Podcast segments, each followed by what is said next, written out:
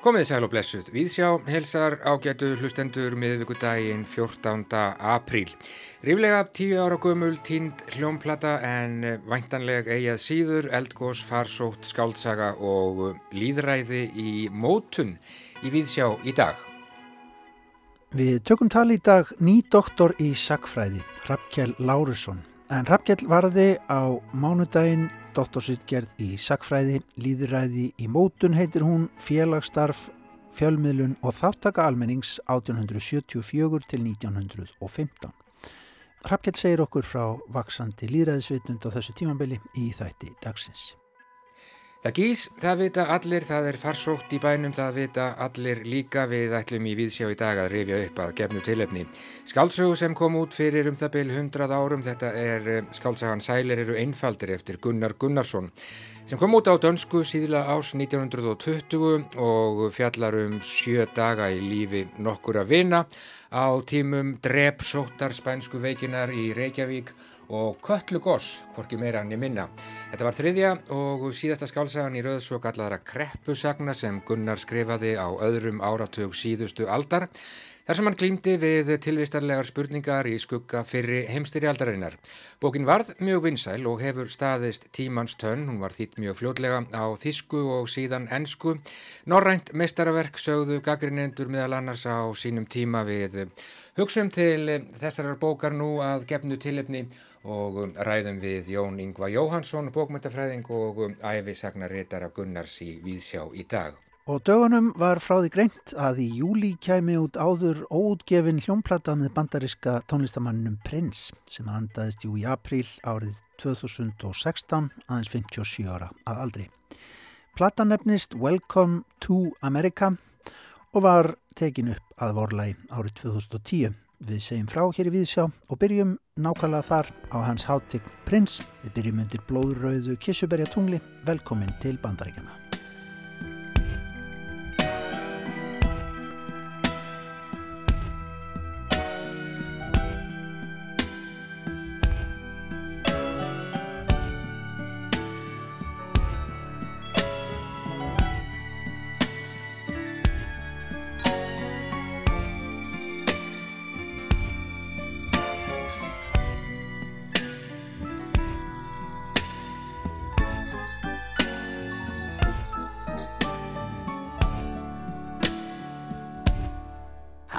Nú á dónum þá var greint frá því að um, í júli kemi út plata sem hljóðrituð var að um, vorlægi árið 2010 fyrir 11 árum.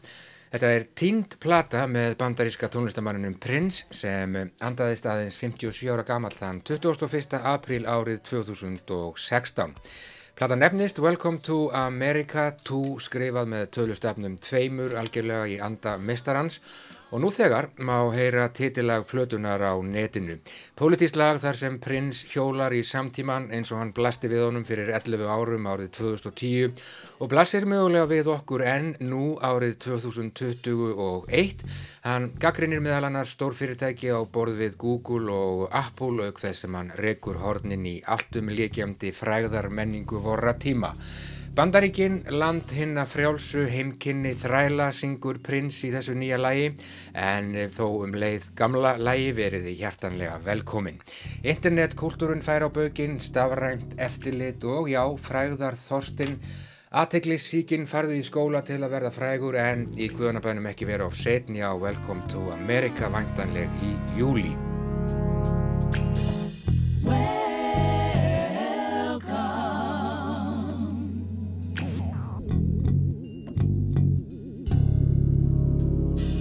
Welcome to America, where you can fail at your job, get fired, rehired, and get a $700 billion tip. Come on in, sit right down, and fill up your pockets, yeah. Mass media, information overload. Welcome to America. Distracted by the features of the iPhone, Got an application to In fix other your words, situation. taken by a pretty face. Somebody's watching you. I say, Welcome to America.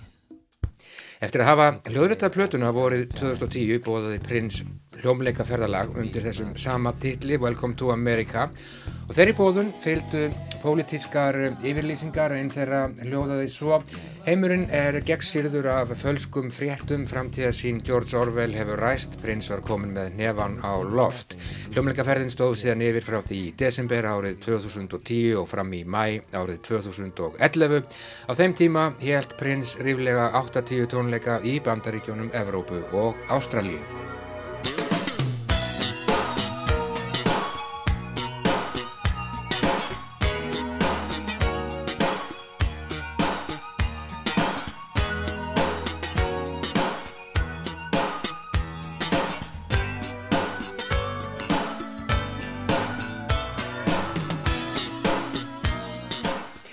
Welcome to America, efni úr kvelvingunni miklu auðvitað arkífinu í Paisley Park, heimili og hljóðveri prins í borginni Sham Hassen í Minnesota. Þetta er fyrsta heilaplatan sem gefin er út með tónlistamanninum frá því að hann lést í apríl árið 2016 en áður hafa tíu minni útgáfur litið dagsins ljós eftir ótíma bæra andlátið.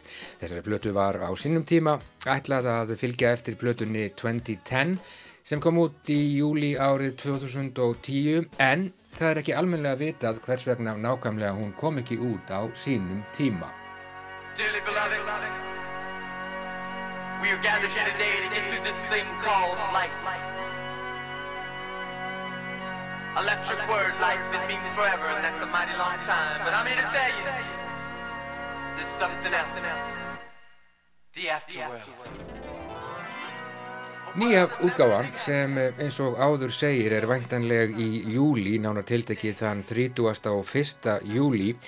Hún verður veglega eins og við er að búast, þetta er jú Prins, henni fylgir meðal annars tónleikamynd sem tekin var árið 2011 í Íþróttahöllinni The Forum í Inglewood í Kaliforníu. Þar má sjá og heyra Prins flytja svo sem eins og 23 lög. Þar á meðal eru útgáfur hans á lögunum Make You Feel My Love eftir Bob Dylan, What Have You Done For Me Lately með Janet Jackson. Tónleikonum líkur svo með því að hans hátegn rennir sér í lægið More Than This með Roxy Music. Uppafslag síðustu plötu hljómsveitarinnar meistarverkinu Avalon frá árinu 1982. Öllu þessu fylgir síðan nöys þykkur tvöfaldur vínill. A skinny man died of a big disease with a little name. By chance, his girlfriend came across a needle and soon she did the same. Já, ný plata, samt gömul með prins, væntanleg í júli, hjartanlega velkomin til bandaríkjana og getur hlustendur aðdáðundur prins út um allan hinn kringlóta heim þeir gleðjast auðvitað ósegjanlega og já, þetta kuð vera pólitísk plata og útgáfan nú sögð ekki aðeins tímabær heldur líka mikilvæg.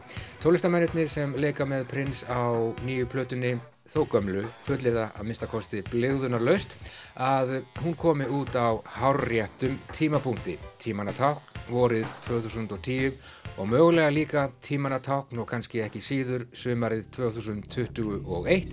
Við skulum býða og sjá hérna prins. Welcome to America. Hook up later at the iPad.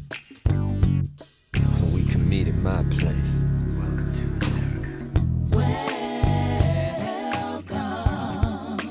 Welcome to America. Welcome to America. Where everything and nothing that Google says is hip. We will not raise your taxes. Read our lips.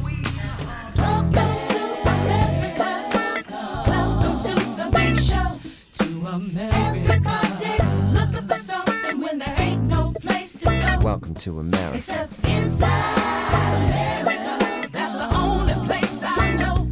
To America. Transformation happens deep within. Yes or no? Yes.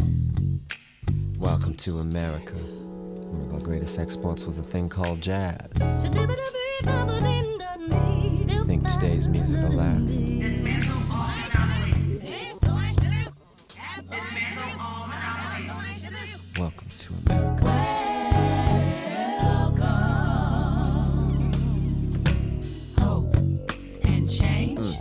Everything takes forever. there's a new minority. Oh, welcome to me.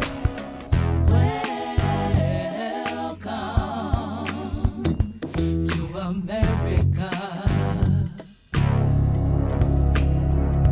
Today, we'd like to discuss America's plan to fix the educational system. The Pledge of Allegiance will now read as follows I pledge allegiance to the earth of the United States of the universe.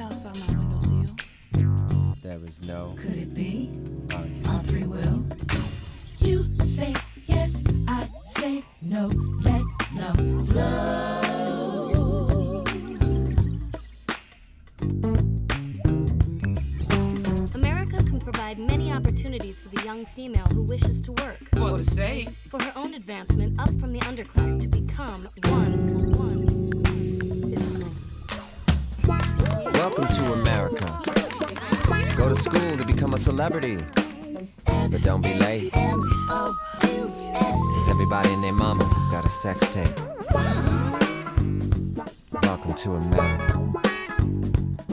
We snatch bass players, not purses. Keep playing, it gets worse.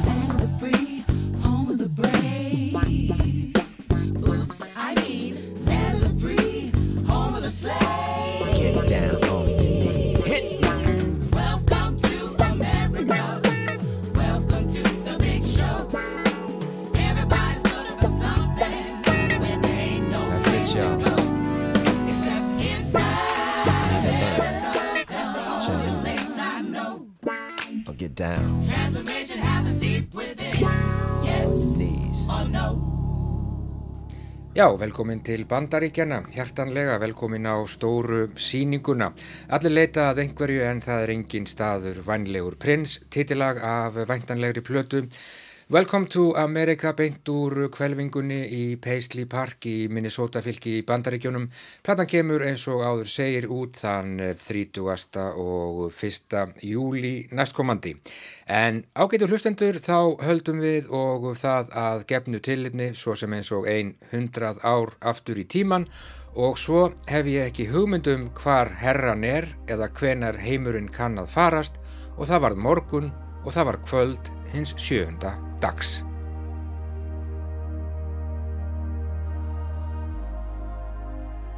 Fyrst þegar ég stóð aftur við útitinnar heima hjá mér og staldraði andartak við og horfði í kringum mig, var mér það ljóst að eldstólpin sem staðið hafði í heila viku eins og óskiljanlegt reyðinar tákn út við sjóndeldarhingin í suðustri var horfin, sokkin í jörðina, sokkin í það brennandi dauðans djúb sem hann hafði risið úr. Ófrjór bruni hans hafði eitt sjálfum sér. Eftir var aðeins rauð blossandi minning í huga þeirra sem höfðu séð hann. Rauð blossandi minning sem festist að minnst að kosti í huga mínum sem hræðilegt takk þess lífs sem hækkaði og lækkaði logandi kringum mig, lækkaði og hækkaði.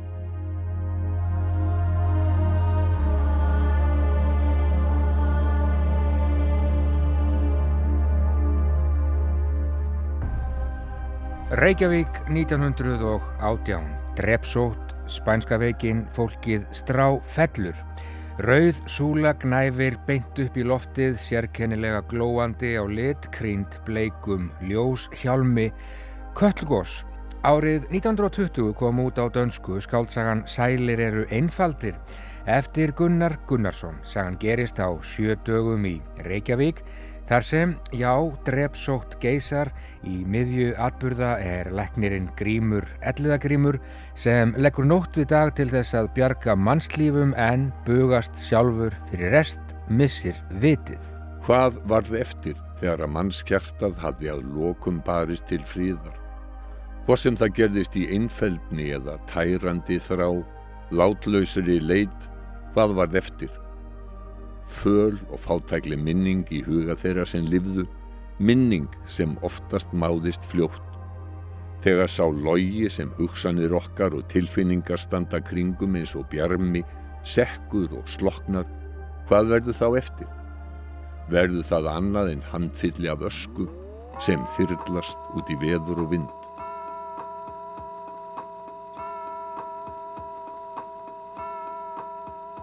Þetta er bókum tilvistarvanda og stóru spurningarnar líf í guðlausum heimi, mögulega bók sem skrifið var í skugga fyrri heimstyrjaldarinnar. Bókin var mjög vinsæl á sínum tíma, var prentuð 11 sinnum fyrsta árið eftir útgáfu. Hún kom út á þísku árið 1921 og á ensku árið 1930 undir titlinum Seven Days Darkness. Gaggrinendur begja vegna Allandsafsins lofuðu bókina í hástert á sínum tíma, kölluðu hana Norrænt mistaraverk. Já, sjö dagar af eh, þéttu myrkri, köldum höndum dauðans og já, knýjandi spurningar þegar sá logi sem hugsanir okkar og tilfinningar standa kringum eins og bjarmi, sekkur og sloknar, hvað verður þá eftir? Verður það annað en handfylli af ösku sem þyrlast út í veður og vind? Einhver staðar í því sem við köllum tíma og rúm standa örlög okkar, þögul og ósýnileg og býða.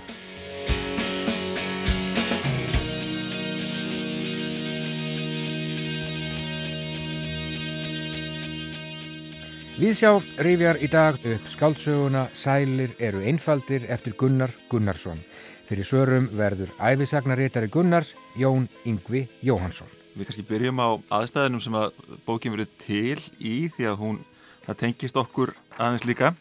Hún er skrifuð að mestu leiti e, á norður Ítalíu. Þar sem að, það er sem að við fáum okkar pest þessa dana í litlum bæ sem heitir Rappaló, rétt hjá Genua.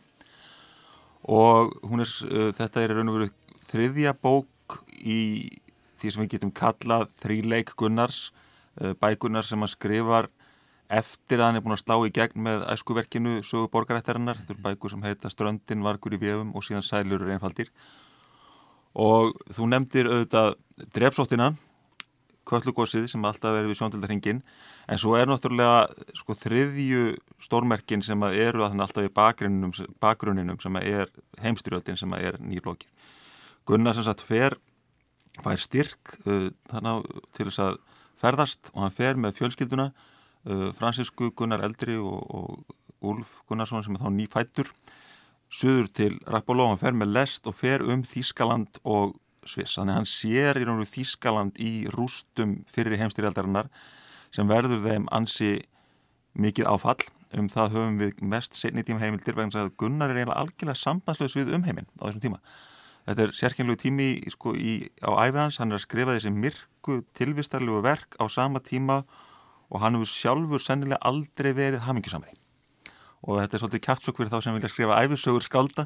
Það sem að gamla hugmyndin um æfisögur skálda er svo að menn skrifi bölsýnisverk þegar þeim líður illa og, og síðan hérna taki gleðin við þegar þeir eru hamingjusamri þetta eru auðvitjökunari vegna þess að hann er einhvern veginn hann er eins og segir, bæði bókin og Gunnar sjálfur eins og speill hann sapnar í sig eins og samgler öllum átökum tímas og þetta er sem sagt saga sem að eins og segir tekur, hún lýsir sjö dögum og hún er, hún er alveg sko gegnum þrætt af tilvísunum í trúabröð þó að Gunnar sjálfur sé að glíma við sko, heim án Guðus að þessum tíma að þá er hann mjög þá er þetta við þetta hans sko andlega nesti er hverið og, og biblían og biblíusögunar og hann, hann vísar endalaust í uh, biblíuna mest sko og jáfnveil svo mikið að þegar hann þýtti senna söguna gammal maður þá vilist hann ekki hafa gett sér grein fyrir því sjálfur því að sumar af tilvísunum sem eru í upphöflegu dönsku útgáfinni detta út í því íslensku. Já, er fjallræðan og pálpóstuli. Já, já, og, og, og, hérna, og fleira. Já.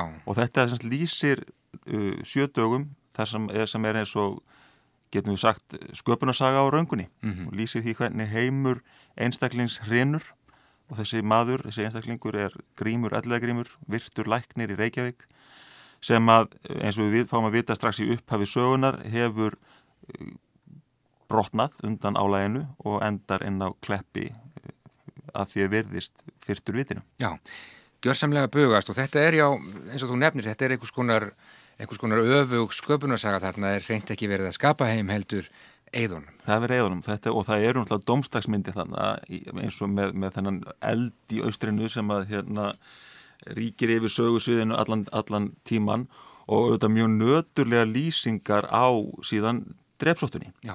Því að við sjáum þetta allt í gegnum augu sögumanns sem heitir Jón og er vinnur Gríms og hann er líka sjálfbúðalið keirir um, um bæðið með, með lækna og sjálfur og hjúgra fólki og það er sko lýsingin á spænsku veikinni sem að Gunnar hlýtur að hafa fengið frá fólki sem hann talaði við þegar hann var á Íslandi sumarið 1919 Mm -hmm.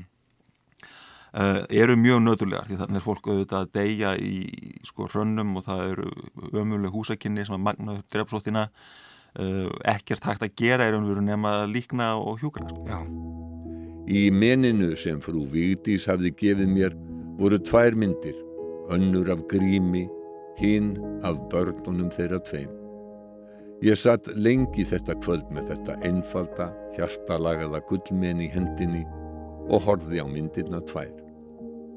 Svo hverfult og fallvalt er mannslífið að ég vil löngu áður en þessar ófullkomnu eftirmyndir fölnuðu mundu andlitin sem þær síndu hafa mást út mást út af kaldri hendi dauðans svo hverfult og fallvalt er mannslífið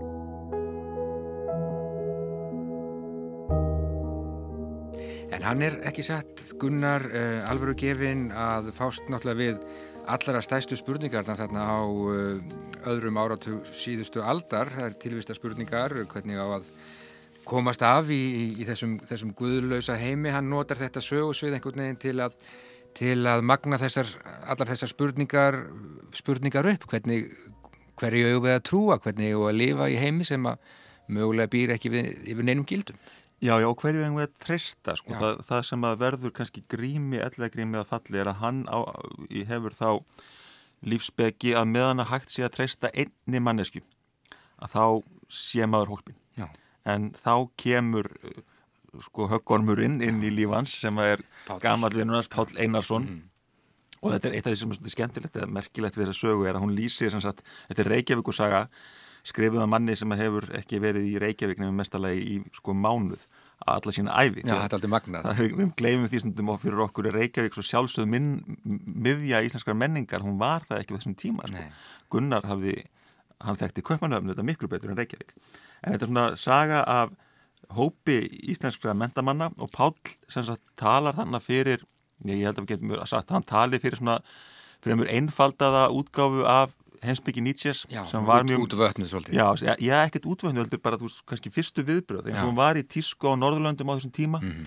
uh, svona alger uh, sko, Nietzsche uh, túlkaður út í einhver nýhilisma þar sem að engin gildi eru og, og, og hérna ekkert fastla standa og þar af leiðandi eru menna algjörum berangri og grímur sem sagt velur þessa útlit að treysta einni mannesku og þegar að síðan Páli tekst að grafa undan þessu trösti hans á uh, eiginkonunni Vigdísi að þá er allt glatað og þá uh, í raun og veru missir hann vitið og hann er ekki sá eini í sögum Gunnars á þessum tíma sem að gerir það.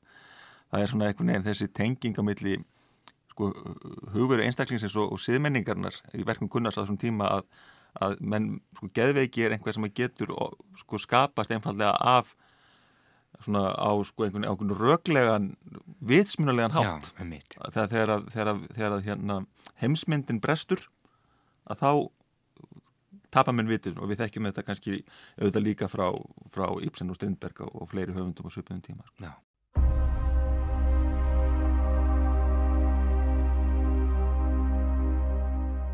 Eftir stuttastund munum við öll mást út sem nú draugum andan.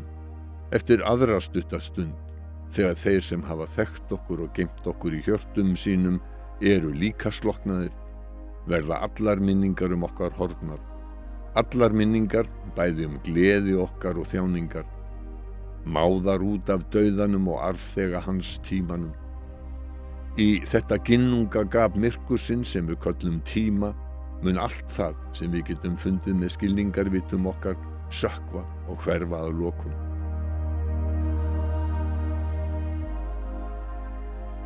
En það er magnað eins og þú nefnir hann, uh, ég held að þú minnist á það í, í þinni æfisögu að já, sjö árum þá er Gunnar bara einn mánuð í, í Reykjavík en skrifar þessar ólögu lýsingar í þessari bók. Þú segir held ég líka í æfisögunni að þetta sé svo bók af uh, verkum Gunnar svona frá frá upphafi hans feril sem að svona, já, best stendst tímans tönn. Hvað, hvað finnst þér nú og, hvað, og hvers vegna hérna, hvers vegna ættu við kannski að lesa sælir og einfaldir nákvæmlega núna? Sko ég held að þetta sé fyrsta stórvirki Gunnars. Greiðlega vinsæl. Já, hún var það og hún hefur, var lengi lesin líka hérna heima og kannski lengur heldur en aðrar bækur frá þessum tíma. Já. Núna við hugsaum þetta fyrst og fremst kannski um aðvendu fjallkirkjun og svartfuglu vikivaka þegar við hugsaum um Gunnar í dag. Mhm. en það, ég þessi bók komi alveg, alveg þar svona, fast á hælan á þeim. Um, eina ástæðan er svo að hann er bara hann þroskari höfundur, hann hefur einhvern veginn á valdi sínu frásannartekni sem er mjög þroskuð þessi, og svo er það þessi þessi dæmi sagna stíl eða hvað maður á að kalla það sko, að- byggja upp uh, söguna á svona strangan hátt. Já, uh, það er úthugsað. úthugsað og þessar vísanir sífælt í uh, sko í já, kristindómin og, og, og, og trún, trúabröðin og, og það er bara líka annars við get, sem væri áhugavert að skoða enda betur núna.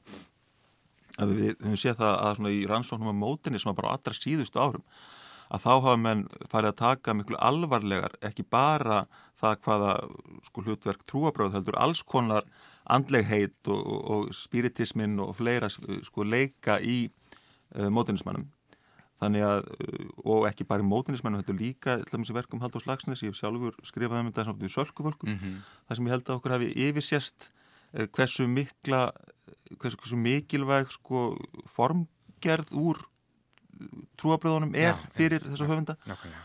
og þetta stendst, það, og þetta er líka svona verk sem að ég held að við getum séð á nýjan hátt í hvers skipti sem við lesum það menna núna í ljósi þess að við erum sjálfa að upplifa einhvers konar um, drepsótt, ég vonum verði ekki neitt í líkingu við það sem að, sem að hérna, fólk upplifið árið 1918 eða Gunnar upp, lýsir í, í, í bókinni, það, en þá er það samt sko, held ég við getum strax séð bara í, í viðbröðum okkar, í um, því hvort, hvernig við veljum að bregðast við. Já.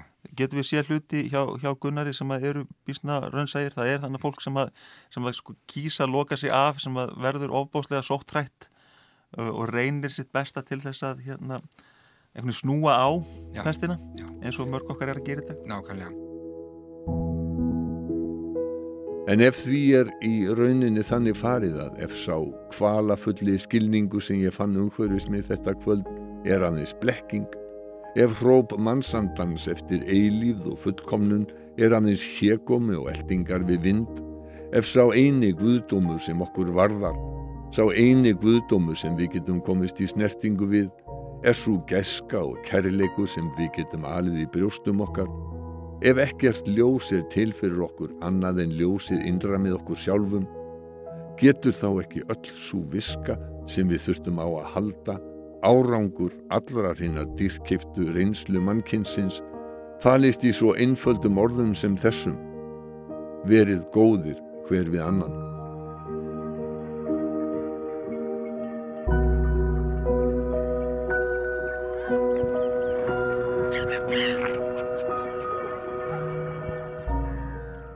Þarna eru einhverjar skelvilegar aðstæður sem að, já, hvetja fólk til þess að takast af alvegli á við, tilvistina og það er nákvæmlega það sem Gunnar var að gera á, á þriða ártökunum. Já, já, og hann, og hann er að gera það þetta í skugga sko, hluta eins og þessar drepsóttar en svo er náttúrulega stóra sko, það sem er stóra eiðan eða st- stóra þögnin þannig að bakvið eru þetta alltaf fyrir heimstyrjöldin og þetta, hérna, þetta hrun evróskrar menningar sem að Gunnar kannski uppliði sterkar heldur en flestir aðrir íslenskir höfundar. Uh, okkur um mörgum tamt að sko líta á höfunda eins og Stefán Zweig og svona stóra evróska höfunda sem lístu þessu beinlínis hvernig fyrir þeim evrópmenningin hrundi í fyrir heimstyrjöldinni þegar við skoðum Íslandsöguna þá lítum við á 1918 sem svona, jú, frostavetur, spænska veikin en fyrst og fremst sem upphaf. Já. uh, fullveldi, nýtt unga Ísland já. upp með fánan, eitthvað slíkt sko, uh, en fyrir Gunnari sem að er auðvitað búsettur í Danmörku er hluta dönsku menningarlífi Endalokk. þá er þetta endalokk Hrun. Já. Já, nákvæmlega. Og já, niðurstaða Gunnars eftir þessa miklu glímu sem að var rosaleg, þannig til dæmis mjög gaman að lesa lýsingar hans á því þegar hann var að skrifa ströndina og var að kveikja í handritinu og var ekki vissum hvort hann kemist út úr þessum mikla eldi sjálfur en já, undir lok eh, þessara bókar sem við erum að tala um í dag, sælir eru einfaldir, já þá er niðurstaðan bara hvað, verið góðir hver við annan. Já, sem að kemur úr FSO brefi Já, Pálspostula einmitt. en er, er þetta niðurstaða sem að er kannski byggð á örlögum hérna uh, aðalsughetjunar Gríms Já. vegna þess að, að hún er í fleirtölu sko. Það er ekki nóg að treysta á einn Nei, nákvæmlega. Ef að lesa þessa bók, Jón, á þessum, þessum tímum heimsfaraldurs og já, ég held nú bara jafnvel að það hafi orðið pínlítill jarðskjálti hérna rétt áðan. Það er ekki eitt heldur allt. Það, já, þetta, er- ég held að sé ramgöldrótt bók hún er skrifuð á Norður Ítalíu, hún, hún hefst á jarðskjálta og hún fjallar um pláa Nákvæmlega, ég segi bara takk fyrir komuna, Jón Ingvi Jóhansson. Gaman að tala um þessa bók Sælir eru einfaldir sem að koma út fyrir sléttum hundrað árum og já, þetta er gamall speill en kannski virkar hann bara enn, ég veit það ekki. Takk fyrir komuna. Takk. Verður það annað en handfylli af ösku sem þyrlast út í veður Ef ekkert ljós er til fyrir okkur annað en ljósið innra með okkur Getur þá ekki öll svo viska sem við þurftum á að halda árangur allra hreina dýrkiftu reynslu mannkinsins falist í svo einföldum orðum sem þessum? Og það var morgun og það var kvöld hins sjönda. Verið góðir hver við annan. Ef ekkert ljós er til fyrir okkur annað en ljósið innra með verður það annað en handfylli af ösku sem þyrlast út í veðrúmynd af kaldri hendi döðans. Svo hverfult og fallvalt er mann. Eftir stuttastund munum við öll mást út sem nú draugum andan verið góðir hver við annan og það var morgun og það var kvöld hins sjöunda dags. Og það var kvöld morgun sjöunda dags. Það var kvöld hins sjöunda dags.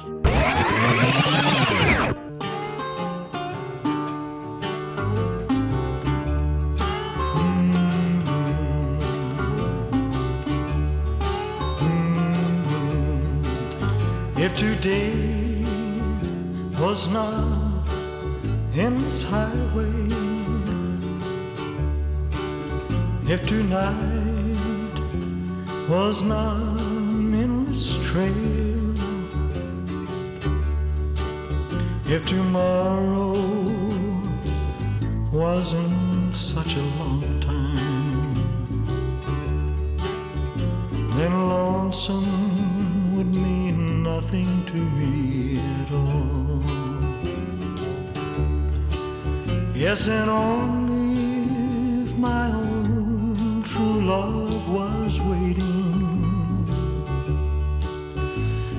I could hear her heart softly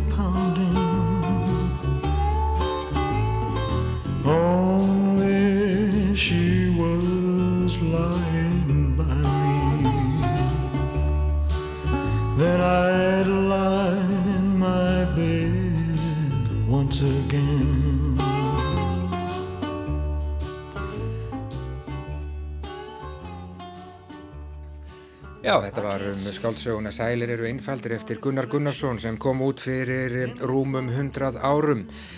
Þessi saga reyfið upp í dag að gefnu tilefnið að sjálfsögðu Sælir eru einfaldir eh, verk sem við getum séð á nýjan hátt í hvert sinn sem við lesum það, sagði Jón Ingvi Jóhansson, æfisagnaritari Gunnars. Ramgöldrótt bók sem eh, var reyndar skrifuð í miðjarðarhafs lofslægi fyrir ríflega hundrað árum, fyrsta stórvirki Gunnars Gunnarssonar. Lesari í þessu einslægi var Bói Ágússon, þokkalega kunnuleg rödd, takk fyrir. Tónlist í einslæginu Arnar Guðjónsson, Blond Rettet, Brian Eno, Barry Adamson og hér síðast auðvitað Elvis Presley. Þetta einslag var áður á dagskrá hér í Víðsjá þann 12. mars í fyrra, þá var sótin komin en ekki enn farið að gjósa, nú er þetta allt komið heim og saman og liggur kannski beint við að renna sér í gegnum þessa skáldsögu, sælir eru einfaldir nákvæmlega núna, hún er kannski ekkert eh, sérlega uppörfandi og þó, en eh, hún er mögnuð. En á mánudag var haldinn doktorsvörn í sagfræði við sagfræði og heimsbyggideild Háskóla Íslands. Þá var það Hrafkjell Lárusson sem að varði doktorsvitgerð sína í sagfræði sem að heitir Líðræði í mótun, félagastarf, fjölmiðlun og þáttaka almennings 1874 til 1915. eins og lögir að ráð fyrir þessa dagana þá var vörninn sem fór fram í Hátíðasal Háskóla Íslands heldur fámenn en fjölmarkir fylgdust með á netinu. Við hittum Rafki Lárusson á Háskólatorki í morgun og tókum hann tali um rannsóknar efnið.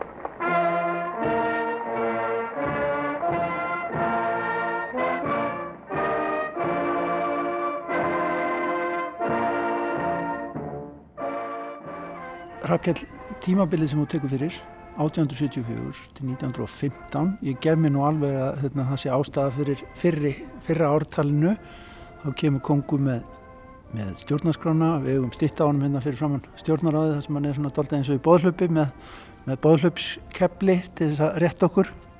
Eh, ef við bara byrjum þá er fólk eh, já, upptekið að þessu? Almenningur í landinu eh, verður einhver líðræðis vakning svona bara út af komu konungs Ég kannski myndi nú ekki ganga svo langt að segja það. Uh, sko stjórnarskráin er auðvitað að vega mikill þáttur í þessu og hún uh, er margar, má segja, kannski svona stóra póstinn við uh, þessi fyrir tímamörk af því að með henni kemur ákvæði, já, sko í henni er ákvæði um félagafrelsi sem var ekki áður. Það var í rauninni ekki bannað að stopna félag og starfa ekki og þau voru sannlega til áður en þarna er það lögbundið. En það eru fleiri þættir í rauninni sem að að vera til þess að þetta uh, ártal verður fyrir valinu sem uppháspunktur en auk sko tilkomur stjórnarskránar þá uh, er ekki síður mikilvægt að á þessum tíma þetta tiltakna ára 1874 verið fyrsta skipti gósið til sveitastjórna sanga tilskipun frá 1872 og það er náttúrulega stort skrefi í líðræðisátt líka. Og þetta sama ár voru hátíðahöld uh, víðum land í tilefni af, af þúsundar ámæli Íslandsbyðar og heimildir sko frá samtíma fólki uh, bera vittni um það að, að hátíðahöldin sem slík þau hafi svona vakið uh, ákveðna bjart síni í brjóstum margra um það að það væru nýjir tímar að byrja mm og, og fólk talið að, að þetta væri svona, það væri svolítið að hverfa frá hennu gamla til hins nýja. Og svo er auðvitað náttúrulega um þetta leiti ímsir viðburði líka fleiri sem þarna um miðjan 18. ára til 19. ára sem að auðvitað marka uh, mjög djúb spór í Íslands samfélagi eins og 1875 hefst Öskugós fyrir austan sem hefur sérstaklega mikil áhrif í Þingau og Múlasíslum og þarna um miðbygg 8. áratugurins hefjast vesturheimsferðir sem auðvitað hafa líka mikið áhrif á Íslands samfélag. Svo þetta er svona, eins og ég segi, þetta eru, þetta eru nokkrir uh, þættir sem að hafa bæði áhrif á samfélagi sem slíkt og á líðræðist frá næstu ára og eftir sem, ég, sem, sem er ástæðan fyrir ég set niður þetta ástal. Sko þú ert að skoða frjálsfélagsandök og, og félagsstarf, hvernig það er svona kvikna og, og sækis í veðri á þessum árum. Um, Líðræði er einhver leiti lært. Við, við lærum það í gegnum ímislegt. Við sittum inn í háskólanum og það eru nýjastannar kostningar hér til dæmis. Það sem að hérna, tvær fylkingar bjóða sér fram og, og berjast innan, innan gæsalappa einhverja en, en hérna, takast á um málefnin. Eh, þannig að félögin eru að kenna fólki, er það ekki, pínlítið bara að kjósa til stjórnar og, og, hérna, og skipa sínum málum nýður ekki satt. Því að þetta líður mjög mikilvægt í líðræðis uppbygging og líðræðis vitund. Það er ákveðin munur sem ég sá á sko félagunum sem störfuðu þarna um á fyrirluta 19. aldar og um miðbyggaldarinnar að þau voru kannski svona meira sem að sletti sko þau voru meira selektívari það voru sko félög sérstaklega framan á eldinu voru mjög bundin við fórustu embættismanna og virðast svona ekki hafa kannski verið neitt sérstaklega líðræðisleg en það er ábyrjandi með þessi, þessi félög sem byrja að myndast á setni hluta eh, á síðasta fjórðingi 19. aldar lang, lang flest, á ekki alveg við öll en lang, lang flest starfa á sko líðræðislegum grunni þau kjósa sér sko embættismenn þau kjósa sér formenn og gjaldkjær og rítar á það er kosið í stjórnir í, yfir til dæmis útgáfum félagsblada og ímsa nefndir og slíkt. Þannig að það er í rauninni, já, er, þau hafa í rauninni mjög mikið að segja við það að sko ala upp, ala fólk upp í líðræðislegum stjórnarháttum sem er auðvitað á þessum tíma þegar þeggréttu var ennþá takmarkaður og þáttaka fólks uh, sko uh, þegar að uh, það tímabil hefst sem ég er að fjallum þá er eh, sko þáttaka eh, svona í almanna rýminu, svona í hinnu ofinbæra rými, eh, hún er ekkert mjög útbreytt. Það eru sko húsbændurnir, svona, þetta er náttúrulega samfélag sem að lang, lang flesti byggi sveitum, en ekki, þó auðvitað ekki allir og þéttbíli fyrir vaksandi á þessu tímabili líka. En það var náttúrulega þannig við upp af þessa tímabili og svolítið fram í það að það voru húsbændurnir fyrst og fremst sem voru andlit síns heimilis út á við og það voru fyrst og fremst þeir sem að, að voru að taka þátt í svona, svona ofinberu lífi hvort sem það var sko formbundið eða, eða bara e, óformlegt sko. Kirkjurnar voru þarna mjög mikilvægur uh, póstur, þær voru sko svona félags- og menningarmiðstöðar sem að fólk hittist og svona fram undir upphaf þessa tímabil sem ég er að fjallum að þá var kannski sko þáttaka fólks í samfélagi utan heimilis mjög margra að hún var kannski fyrst og fremst í sko tengslum við kirkjuna og lítil sem engin utan þess. Þetta breytist mjög mikið þegar félögin koma en þau koma auðvitað svona hægt og bítandi og alls ekki jafnt sko, þau, það er alveg munur á milli hér að það og, og, og byggðalega innan sömu síslu hversu hratt þau koma. Svo er þetta líka alls ekki neinn línuleg framþróun. Það kannski rýsa upp félög og verði upplugt félagastarf um nokkru ára skeið. Svo kannski kemur einhvern bakslag og það svona lognast út af en þá kannski mögulega rýsta í næstu sveit hliðina. Þannig að, að þetta er ekki sko, þetta er alls ekki beinlína upp á við en, en, en já, en, en félögin gengdu alveg ótvíraðu hlutverki í því að, að, að undirbúa fólk sem að, að var kannski að stíga sín fyrstu skref í svona hinn ofnbæra rými fyrir bara svona frekari þáttug og frekari ábyrð og þess vegna sé ég til dæmis sko þegar fyrir að líða á þetta tímabil að þá fyrir fólk sem ekki er með fullan þekkrétt og þá er ég nú aðalega að vísa til þess að hafa ekki kostningarætt og kjörgengi. Og það er ég að tala um, um sko allar konurnar og, og, og náttúrulega bara sta, stóran hluta kallmanna að þá fyrir þetta fólk að verða meira áberandi í að taka fórust í félögum. Og uh, til dæmis konur eru mjög líkt sínilegar fyrir aldamót í stjórnum félaga, jafnvel þó maður sjá, sjá heimildir um það að þær voru starfandi í þeim, í blönduðum félögum sko. og svo náttúrulega eðlið mál sem sangvænt tóku þær fórust í kvennfélögum þegar þau fóru að rýsa en eins og til dæmis á Austurlandi það sem að ég er nú aðalega rannsakað þar voru kvennfélögin mjög lí þau eru fyrst og fremst að byrja að rýsa á fyrsta áratu 20. aldar Uh, þannig að, að eins og segi það er, það er þá lítið í rauninni fyrir aldamót sko. en, en svo sér maður þarna undir lok tímabili að þarna koma fram félög þar sem að, að sko jafnvel blönduð félög þar sem að konur er í fórustu og, og kallar jafnvel uh, lítið við stjórnir að riðnir jafnvel þó að félögin séu öflug sko. Þú ert að skoða eins og segir Östurland, þaðan sem þú ert, þú ert á Östurland sjálfur, uh, sko, og maður velti aðeins fyrir sér hvort að, að því að þú ert nú svona skoða líka líðræðis vitund almennt, er fólk mjög mikið, það er mjög mikið að hugsa um sitt nær umhverfi í þessu félagastarfi öllu saman, það er ekkit mjög mikið að hugsa sér einhverju starra mengi hér á landsvísu það og hugsa hingað söður í, til, til höfðingjana Reykjavík er það? Nei, það er líka annað sem er mjög á, uh, afgerandi í þessu að, að starfsemi þessari félaga og til dæmis að því nefnum á Austurlanda því að það er nú svona megin ansóknarsvæði mitt að þar til dæmis gekk mjög illa að koma á sko samstarfi millir samkynja félaga. Til dæmis voru bindindismenn mjög mikið að reyna að, að ná upp meira samstarfi austurskri bindindisfélaga. En þar kannski sko stóð í veginum sko bæði náttúrulega landfræðilegar aðstæður sko, Austurlandi er eh, fyrir nútíma samgöngur er, er, er, er ekki, það er ekki hlaupið yfir þessu austursku fjallgarða svo auðvöldlega sko. Og það var líka náttúrulega bara ákveðin uh, svona uh, já, svona áttaga vitund að, að fólk var ekkit svo mikið að horfa út fyrir sitt byggðalag og áherslur margra þessari félaga jafnvel tóltið með stóði héttu kannski bindindisfélaga þá og, og þeirra megin markmi snýru að því eða lestrafélag þá eru oft einhvers svona um, úrbætur og framfarir innan, innan eigin byggðar sem voru mjög ofarlega í huga fólks. Og það er einmitt, ég tek sérstaklega dæma það því að, að sko það eru atvinn og mentamál og þá svo mentun sem að veitt er í heimabyggð, sko þá sérstaklega batna og úlingamentun og svo atvinnumál bara svona almennt sem eru mjög ofarlega í huga þeirra sem er að taka þátt í, í fjölugunum og eins í, eh, í þessum útgáfu á, á þessum handskrifu blöðum, hvort sem það voru félagablöð þessi svo kvöldu sveitablöð að það var hort inn á við en ekki út á við. Og það er líka kemur að öðru sem er mjög mikilvægt í, í þessu og ég gerir mér svolítið mat úr er það að umræðan um, um stjórnmál og Íslands líðræði á þessum tíma markaðist og var mjög, mjög mótuð af sjálfstæðisbaráttunni.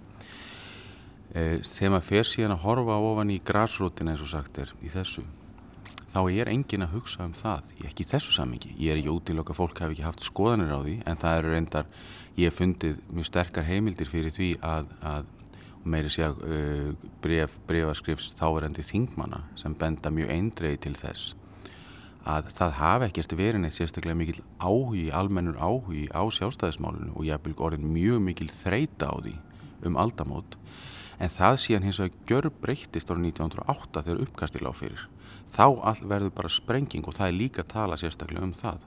Þá allt í hennu fyrir almenningur að fá brennandi áhuga á málunu kannski að því að þá lág samningur á borðinu sem þetta taka afstöðu til en fram að því er í rauninni uppbygging sko nærsamfélagsins. Hún er stóra málið fyrir fólk. Og fólk kannski leit svolítið á uh, að það væri daldið í þeirra eigin höndum að, að, uh, að byggja það upp. Það ætlaði í rauninni ekki og kannski átti ekkit vona á því að það fengi miklu utan að komandi hjálp við það og þarna einmitt náttúrulega eru félögin svona líkil atriði í því að, að, að ná fólki saman og, og eins og eina mínum kannski helstu niðurstöðum í mínir annarsókn er það að, að máttur félagana fólst ekki síst eh, annars vegar í þessu líðræðislega uppbeldi sem að segja á þann og ekki síst í því að færa fólk heim sannin um það að, að með samtakamættinum mætti koma ímsu til leiðar sem annars myndi ekki gerast og, um, og það hann bæði í, í framkvæmdum en eins líka við að skapa þrýsting á, á stjórnvöld. Og í því fælst auðvitað svona ákveðin svona líðræðisleg vakning líka. Þó svo að, að eins og ég hef sagt að, að um, áherslan hafi yfirleitt svona verið meira inn á við heldur en út á við. Og, og fólk kannski ekki áberandi í því að, að vera að reyna, ég held að ég hef ekki séð mörg dæmi þess að fólk sé beinlínis að reyna að hafa áhrif á kjörna fulltrúa. En einmitt, kannski aðeins um, aðeins um samt kjörnu fulltrúana eða skulum við segja héras höfðingja til dæmis eins og fyrir austan. Það, það er ekki verið að fólk sér sig ekki keðju úr héraði er það og í gegnum sína hérashöðingja og síðan hinga til landsyfirvalda er það. Ég meina, það, he, fólk, það er aldrei fjarlægur heimur, það er aldrei slit á milli, ekki það? Jú, kannski sérstaklega fyrir Austurland, því að Austurland þessa tíma er í rauninni, e, já, ég held með allra einangurustu hlutum landsins, sérstaklega ef maður sko miðar þá einangurinn við sko fjarlæð frá svona þessari valdmiðju sem var hérna í, í, í Reykjavík og var hér að byggjast upp á þeim tíma. Eh, þetta er hins vegar kannski svolítið margslungin mynd vegna þess að sko þó að eigðisandar og jöklar og jökulár uh, skæ, eiginlega skeri Austurland svolítið frá restinni af, af, af landinu fyrir tíma nútíma samgangna að þá er Austurland þessa tíma hins vegar best í sveit sett af, af héröðum uh, og, og hlutum landsins þegar kemur að samgangum við, við útlönd á meðan þau eru öll á sjó og það markar mjög samfélagstróun á Östurlandi á, á þessu tímabili sem þarna erum að ræða. Sko, ég, ég freistast til að gera ákveðin grein, ákveðin greinarmun á sko héraðshöfðingjum sem hægt er að kalla því nafni og kjörnum fulltrúum. Því þetta voru ekki endilega sömu mennir, þó þið væri náttúrulega oftar en ekki sko ná tengdir. Og Það var til dæmis svona ákveði líðræðislegt vandamál á Austurlandi upp af þessa tímabil sem ég er að rannsaka að fá bara um, menn til þess að bjóða sig fram til alltingis og þá held ég að það hafi, sínist mér að hafi spilað inn í bæði að þetta náttúrulega voru mikil ferðarlög og langar frátafir frá heimili að, að fara allavega austan af jafnvel þó að þingið væri bara haldið annarkvært ár og uh, svo held ég að það hefði líka eind mjög af því uh, ennþá þegar kemur fram á 8. áratugin að uh, menn voru kannski kjósendur á þessu svæði þegar náttúrulega kostningaþáttaka yfirleitt fyrir eitthvað lítil en þeir hafi kannski ekki lítið svo á að þetta fjarlæga vald kæmið þeim svo mikið við. Þeir höfðu sko sína repstjóra, síslumenn og presta sem öktuðu í, í, sem yfirvald á svæðinu og kannski í rauninni ekki lítið svo á að, að, að, eh, að það kæmið þeim svo mikið við og ég til dæmis er með ágættan vitninsspurn mann sem var uppi um miða 19. öld sem að lýsir viðhorfur sinni heimasveit, hann var austfyrringur að við upphaf alþingis hafi, hafi menn bara beinlýnis haft sko anduð á alþingi eftir að vera endurist og litið svo á að þetta væri bara enn einn klafin sem að bera bæði, bæði fjárhagslegur og, og, og, og gagvart valdi. E, þannig að já, svona sínin var einmitt já, svolítið mjög mikið inn á við og það er, en það er líka náttúrulega hluti af þessari félagauppbyggingu og líka svo sem bara viðleikni einstaklinga á þessum tíma að, að eh, svona reyna að íta undir það að fólk sægi sjálfsins hlut af stærri held. Það var engin vafi á því að Íslandingar sko litu á sig sem sko eina þjóð en e, það var kannski ekki þar með sagt að þeir litu endilega svo á að þeir ættu sameinlega hagsmunni með fólki sem byggingstalant í burtu. Þetta er aldrei frálegt, emmitt. En við bara bendum á, ég gerir á fyrir að þú ætlir að ganga frá þessu áfram og, og, og, og gefa til útgáðu eða hvernig, hérna, hvernig verður það? Sko, rítgerðin er þegar, uh, eh, dóttursvíkjum mín er þegar aðgengileg á uh, vefnum Opin Vísindi, það er hægt að finna hana þar. Uh, ég hef svona byrjaður að taka skrefa því að reyna að fá hana að gefna út en það er nú ofsnemt núna að segja neitt svo sem til um hvernig það fer en svona mínar vonir standa til þess allavega Ég, eh, ég fengi það jákvæð og mikil viðbröð við þessari rannsókn að ég er svona bara ágætlega vongóður um það að, að, að uh, hún gæti vakið svolítið aðtikli ef hún kemst að brenda. Stórfrólegt, takk kærlega fyrir og til hamingu með doktorsnabótina Rafkjell. Takk fyrir mig.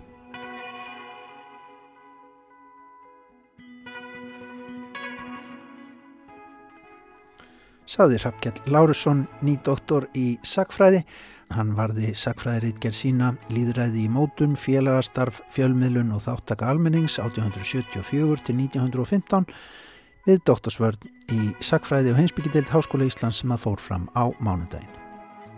Og svona ljúkum við viðsjá í dag viðsjá hér aftur á sínum stað á sínum tíma löst eftir klukkan fjögur á morgun. Takk fyrir samfélgina í dag kærlega verðið sæl.